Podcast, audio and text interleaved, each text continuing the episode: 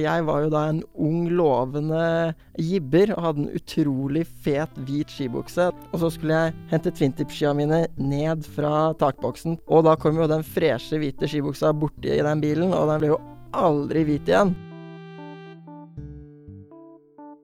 Hei og velkommen til denne episoden av Engagecasten. I dag skal vi snakke om takstativer, patenter og ikke minst livet som entreprenør. Med meg for å snakke om det her er Helge Dimmen, daglig leder i måten startup Droprax. Dropracks. Men uh, først, Helge, kan du fortelle oss hva er Dropracks? Dropracks er jo, til å begynne med, da, så er jo det faktisk et uh, takstativ til biler Sammenligna med dagens vanlige takstativer, så har det her en bonusfeature. Og det er at du kan trekke den ut ved siden av bilen og senke det ned til behagelig lastehøyde. da. Så at du får det egentlig takstativet ditt horisontalt flatt i hoftehøyde. Og da er det veldig enkelt å laste inn i skibokser, hive på kajakker, sykler, you name it. Alt det du frakter på biltak i dag, det kan du da frakte på dropracks. Og grunnen til at vi begynte med det her, det var rett og slett fordi at vi gründerne, vi irriterte oss over det at det var generelt stress og et slit, det med å laste utstyr på biltaket. Jeg, da, for å ta min uh, personlige historie, det var jo at uh, jeg var jo da en ung, lovende jibber og hadde en utrolig fet, hvit skibukse. Da var jeg, vi snakker 15 år gammel. Og så skulle jeg hente twintip-skia mine ned fra takboksen på Påskefjellet. Og da kom jo den freshe, hvite skibuksa borti den bilen, og den skibuksa ble jo aldri hvit igjen. Så da la jeg jo egentlig takboks for hat. Begynte å legge skia inn i bagasjerommet og baksetene på bilen istedenfor. Det var jo da min motivasjon til å begynne med, uh, med dropracks, da. Rett og slett en, en, hvit, fresh bukse som aldri, aldri ble det samme? Ja, det var jo egentlig Det var litt det som lå i, ja. i bakgrunnen, da. Da var du 15 år siden. Hvor, hvor, hvor gammel er du nå? Ja, nå er jeg 28. Ja, Så det tok deg eh, 13 år før du fikk eh, oppfylt drømmen om å kunne ha på deg hvit skibukse igjen? Eh. Ja, altså fra jeg var 15 til jeg var noen og 20, så tenkte jeg egentlig ikke noe mer over det. Og eh, jeg kjører ikke med hvit skibukse i dag. Det, var, det, er litt 2005. Eh, Ferdig med det, endelig. Men eh, det er godt å vite at dem som har lyst til å gå med hvit skibukse kanskje har en, en mulighet eh, til det i, i framtida. Men du sier at uh, til å begynne med så var Dropracks et, eh, et skiprodukt, uh, men at det, det har utvikla seg videre, sånn forstå?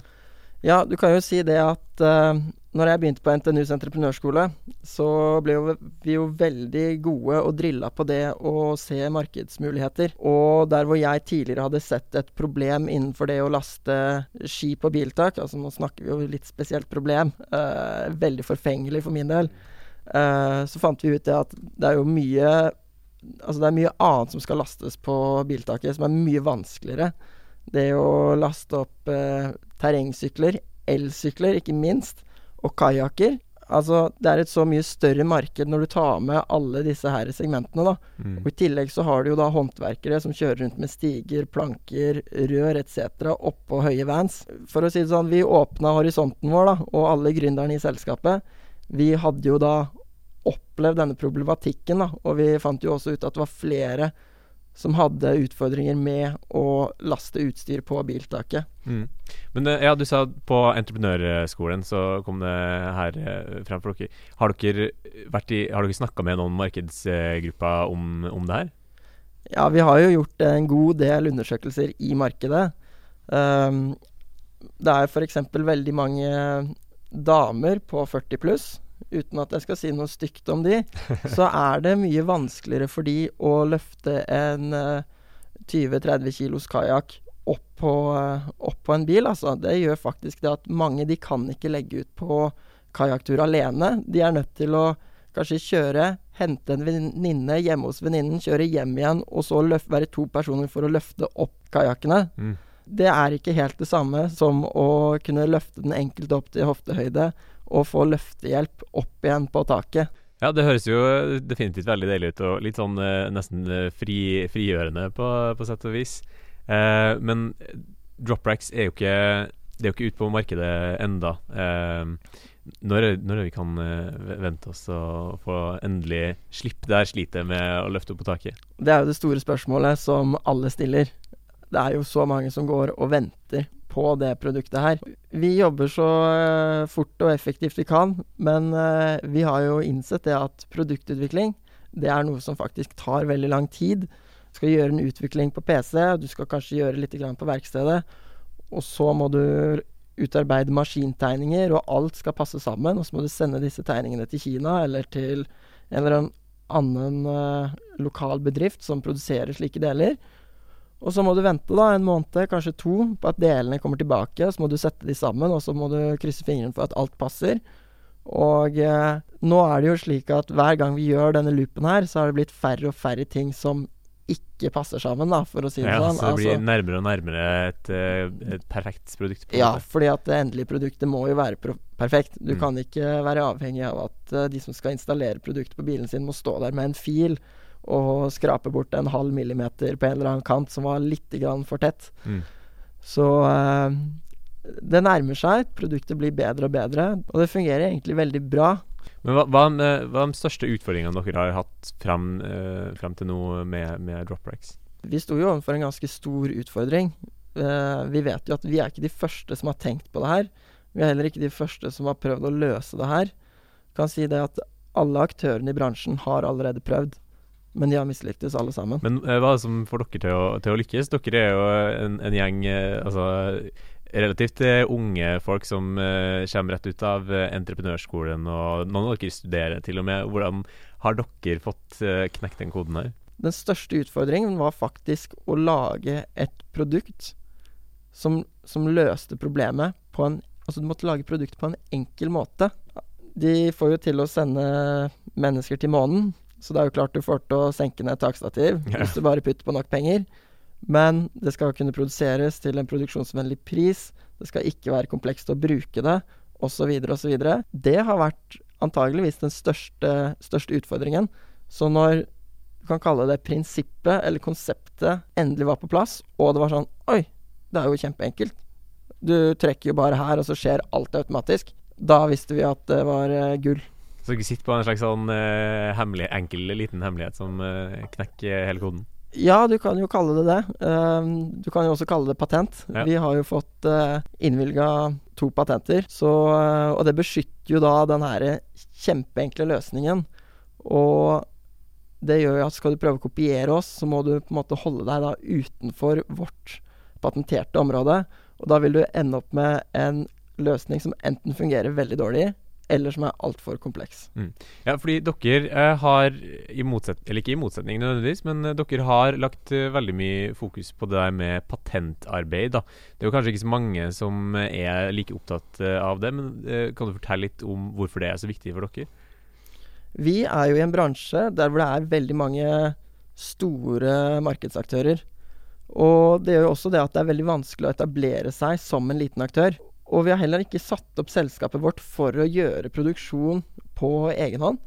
Vi har egentlig basert hele forretningsmodellen vår på at vi skal utvikle den beste løsningen. Vi skal patentbeskytte den beste løsningen. Og så skal vi inngå et samarbeid med en av de eksisterende aktørene på markedet, som har produksjon, som har distribusjon i hele verden, som har masse kontrakter og omsetter for millioner og milliarder. Og så skal vi selge patentrettigheter til de, slik at de kan da få drop racks som en del av deres produktportfølje. Men at det fremdeles er, er, dere som eier patentet, da? Det er fortsatt vi som eier patentet. Og da må jo de betale en liten royalty per enhet de produserer. Ja, det høres jo veldig gjennomtenkt uh, ut. Hvordan har dere kommet frem til at det her er liksom den beste veien å, å gå? Vi har jo brukt ganske mye tid på det å snakke med IP-strateger og IP-spesialister. Ja, IP det er IP, eller eh, IPR, det er Intellectual Property Rights. Det er jo da noe som handler om uh, patenter, designbeskyttelse, merkevarebeskyttelse. Det er egentlig en måte å beskytte sine eiendeler på, da. Og vi har jo brukt mye tid på da, å prate med strateger innenfor IP for å finne den beste IP-strategien som da matcher med forretningsmodellen. Mm, for det her er en full, verden full av forskjellige løsninger og forskjellige begreper. og Uh, hva, ja. Kan du fortelle litt om hva som er liksom, de forskjellige strategier man kan benytte seg av? En designbeskyttelse det er noe som da beskytter noe som kan gjengis visuelt. Sånn som det kan være vinkler, det kan være kurver, Det kan være fasongen på en eh, PC. Uh, slike ting. Og det betyr at du har da rett til å benytte den designen. Ulempen med en sånn type designbeskyttelse er jo at noen kan endre designet bitte litt, og så er det plutselig ikke dekka lenger. Da. Altså ja, det er, så den mekanismen eh, som er liksom uh, gullfuglen deres, den eh, Ja. vil på en måte kunne ja, ikke sant. Det spiller ikke så stor rolle hvordan den her ser ut, så en designbeskyttelse ville ikke vært aktuelt. Men uh, det her er jo en idé som uh, du eh, har grubla på lenge, og dere har uh, jobbet med lenge. Og da har dere også vært innom eh, NTNU sin eh, entreprenørskole. Kan du fortelle litt om eh, hvordan eh, det var å gå gjennom eh, det? Eh, de har jo en visjon om å utdanne verdens beste forretningsutviklere. Og eh, det er en visjon vi studentene selvfølgelig prøver å leve opp til. Så det første halvåret eksempelvis benytter man jo da på å undersøke ulike forretningsideer. da, Om er det et marked for den ideen? Er det her det jeg skal benytte de neste to, tre, fire, fem, kanskje resten av livet på? Eller er det her en idé som eh, gjør at jeg vil kaste bort tida mi? Første halvår skal du undersøke mange slike ideer. Det gjør man da i team. Så finner man ut hvilke folk i eh, klassen man arbeider godt sammen med. Og da, etter et halvt år, så velger man en av disse her eh, ideene som man har funnet ut at ja, det her, dette er lønnsomt, dette er lurt å satse på, dette er en god forretningsidé. Man velger en sånn idé sammen med da noen du arbeider og komplementerer godt da, fra Mm. klassen. Og da har folk gjerne ulike utdanninger og ulik bakgrunn. Som gjør at man kan sette sammen komplementære team med den kompetansen som trengs for den spesifikke ideen. Og så starter man rett og slett bedrift og blir uh, forretningsutvikler. Ja, forhåpentligvis. Noen, noen blir det, Ja. andre blir det ikke. Så det veldig sånn praktisk eh, anlagt uh, utdanningsløp, da. Ja, det er jo det. Mm. Det er, uh, det er veldig smart lagt opp. Noe av det som er veldig bra med entreprenørskolen, er jo at det er jo et veldig lavterskeltilbud. Det høres jo kanskje teit ut å si, men Ja, for det er jo et masterprogram. det er jo et masterprogram, og det er ganske vanskelig å komme inn sånn i utgangspunktet. Men når du har kommet inn der, så er det en utrolig god mulighet til det å prøve å være med å starte noe, og være med å skape noe. Altså, hvis du har lyst til å starte din egen bedrift, så vil jeg jo absolutt anbefale å gjøre det mens man er ung, og ikke når man er eh, 40 og i tillegg skal passe på hus og heim og koner og barn, ikke sant. Mm. Så jo yngre du er når du starter opp, desto bedre. Og entreprenørskolen er jo en glitrende mulighet, for det legger til rette for deg som student. Og allerede begynne samtidig som du studerer. Hva er det som fikk deg til å søke entreprenørskolen? Du, det var så mye Det var så mange startups som hadde gått ut fra entreprenørskolen, som hadde stilige produkter, og du, du, du hadde Jeg har sett mange av produktene i butikk, og jeg tenker å, det er kult. Jeg har lyst til å gå i en butikk, og så skal en eller annen ansatt anbefale meg et produkt. Og så skal helst jeg stå bak det produktet, da. Mm. Det er jo veldig kult. Det er jo kanskje en liten drøm, da. Ja. Hvilket, eh, hvilke produkter og, eh, eller bedrifter var det du hadde eh, sett? Jeg hadde jo sett uh, douchebags, eksempel, Ja. og stereoskis. Det er jo kanskje litt oppi min gate, da, siden jeg er veldig ivrig skikjører. Mm. Og jeg ante jo ikke at de kom fra NTNU og entreprenørskolen, før jeg plutselig Oi, kommer de herfra? Kult. Kan jeg gjøre sånn som de? Å, nice. Det har jeg lyst til. Har det levd opp til forventningene? Ja, det gjorde det absolutt. Har du hatt noen eh, overraskelser etter å ha begynt på entreprenørskolen? Du kan jo si det at eh, når vi gründerne starta selskapet, så trodde vi jo kanskje ikke at vi skulle At det skulle ta så lang tid, og at vi skulle sitte her i dag. Men det er jo faktisk en Selv om vi ikke har hatt noe salg ennå, så er det jo en liten norsk bedrift som lønner seks ansatte. Og det er jo ikke verst. Ja, fordi Droprex, det er jo det er mange som har eh, hørt om dere. Dere har jo blitt eh, tross alt eh, månedens startup eh, hos Engage. Hvordan føler dere at dere har blitt mottatt av måte, markedet og allmuen? Vi får jo utrolig bra feedback når vi viser frem produktet og vi har demonstrasjoner. Um, det er sjelden jeg får stå i fred når jeg bruker det produktet her, en tidlig prototype, når jeg er på fjellet for å stå på ski. Ja, får du mange som eh, spør hvordan kan du kjøpe det? Ja, det er flere spør Oi, hvor har du kjøpt det her? Hvor kan jeg kjøpe det her? Uh, kan jeg prøve? Hva er dette? mm. Det er noe de aldri har sett før. Etter at folk har prøvd det, Mm. så er det sånn Ah, det å gå tilbake til et vanlig takstativ, det er helt grusomt. Det føles, Det føles så teit og så bortkasta. Stå der og knote. Ja, det gjør det. Og det er litt sånn at når du først har prøvd det, så da er det ikke noe gøy å gå tilbake. Det er jo et veldig, veldig bra tegn.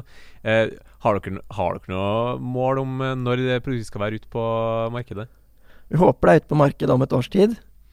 Um, vi trodde jo at det skulle være på markedet for lenge siden, men uh, vi var jo litt tidsoptimister, som uh, mange gründere. Og uh, så hadde vi jo også ikke så mye erfaring når vi begynte. Men når dere har gått ut av Fordi på entreprenørskolen så får dere masse støtte og veiledning underveis. Etter dere har gått ut, hvordan føles det å på en måte stå på egne bein og på en måte forlatt redet? Det føles jo veldig godt å stå på egne bein. Vi er jo en liten norsk bedrift med seks ansatte. Og uh, vi betaler jo skatt og bidrar til den norske stat, og uh, det god stemning. Så det føles jo veldig bra å ha jobb å gå til, og det å også kunne få betalt. Ja, dårlig betalt, men fortsatt bedre enn det å være student. Klarte meg på det også. Ja. Så Nei, det, det, føles veldig godt, altså. Å ha en jobb å gå til, og jobbe med noe du også trives med, og som du da har tro på, og som du er sikker på at kommer til å lykkes til slutt. Ja. Hvor går veien videre for uh, deg og Dropracks nå? Du, nå skal vi på uh, verdens største messe for uh, bilutstyr i september. Det er i Frankfurt. Der stilte vi også ut en prototype for to år siden. Den som kommer nå, den har ekstremt mange forbedringer. Og responsen forrige gang var enorm. Så vi gleder oss masse til Mm. å vise frem the latest. Ja. Hva er som skjer på en sånn her messe? da? Får dere uh, snakka med, med andre i bransjen? Du, siden dette er den største messen, så betyr det at eh, alle de eh, høye sjefene, de er på den messen. For de ser da etter produkter som de kan da ta inn i deres portefølje. Vi snakker om ledelsen i eh, bilselskaper, eksempelvis, som da skal ha takstativ til den nye en eller annen bil. Ikke sant? Og da kikker de på alle takstativene som er der, og så finner de ut at ok, det selskapet de skal da få lov til å lage x antall units med vår logo på, eksempelvis. Så da blir det originalt utstyr. Alle de folkene er der. I tillegg så er jo alle de andre takstativselskapene der, som nevnt. Vi ønsker jo at det er de som til syvende og sist skal ta over patentet og produktet, og ta det inn som en del av deres produktsortiment. mm. Men hva som skjer når dere på en måte har nådd det målet? Hva, eh, hva er neste steg etter det? Vi sitter jo nå med et selskap som har bygd opp en enorm kompetanse på eh, heve- og senkeanordninger. Også en del kompetanse på patenter og patentstrategi. Og i tillegg så har vi et par andre produkter bak i bakhodet som vi kan tenke oss å, å gjøre. Altså det å utvikle de, beskytte de med patenter, og så basically gjøre det samme på repeat, bare innenfor andre bransjer. Så dere er proppfulle av ideer, så dere går ikke tom med det første? Ja, vi har både gode og dårlige ideer i eh, bakhodet som uh, venter på å uh, bli satt i sving. Nei, men uh, vi, vi gleder oss. Har du noen tips til vordende gründere? Hva er det de skal gjøre for å lykkes sånn som dere kommer til å gjøre? Det aller viktigste, det er egentlig å prøve å tilegne seg kompetanse. Og eh, ansette folk som er flinke. Som er flinkere enn deg selv. Og eh, ja. Ansett folk, altså. Gå ut og leit etter folk. Få med noen studenter. De eh, Holdt på å si De er ofte gira. Mm. Du, du vet når du finner de rette personene, når du har funnet de. Ja, hva er fordelen med studenter, da? De er billig i drift. Nei da. Altså, det sier jo seg selv at de skal ha mindre betalt enn en som er eh, sivilingeniør, og som har jobba i 20 år allerede. Han er bortskjemt på eh, lønna. Mm. Og eh, litt avhengig av hva du utvikler, så kan du komme deg veldig langt da med studenter. Så får du heller kjøpe litt ekstra konsulentbistand da, for å, når du trenger den tunge kompetansen.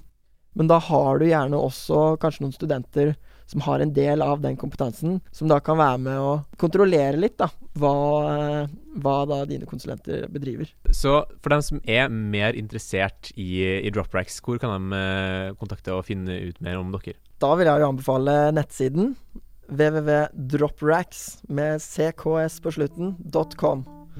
Herlig. Så et uh, tastetrykk unna der, altså, for den som skulle være interessert i det. Men uh, da sier vi takk til Helge Dimmen og Droprax for praten, og takk til deg som har hørt på.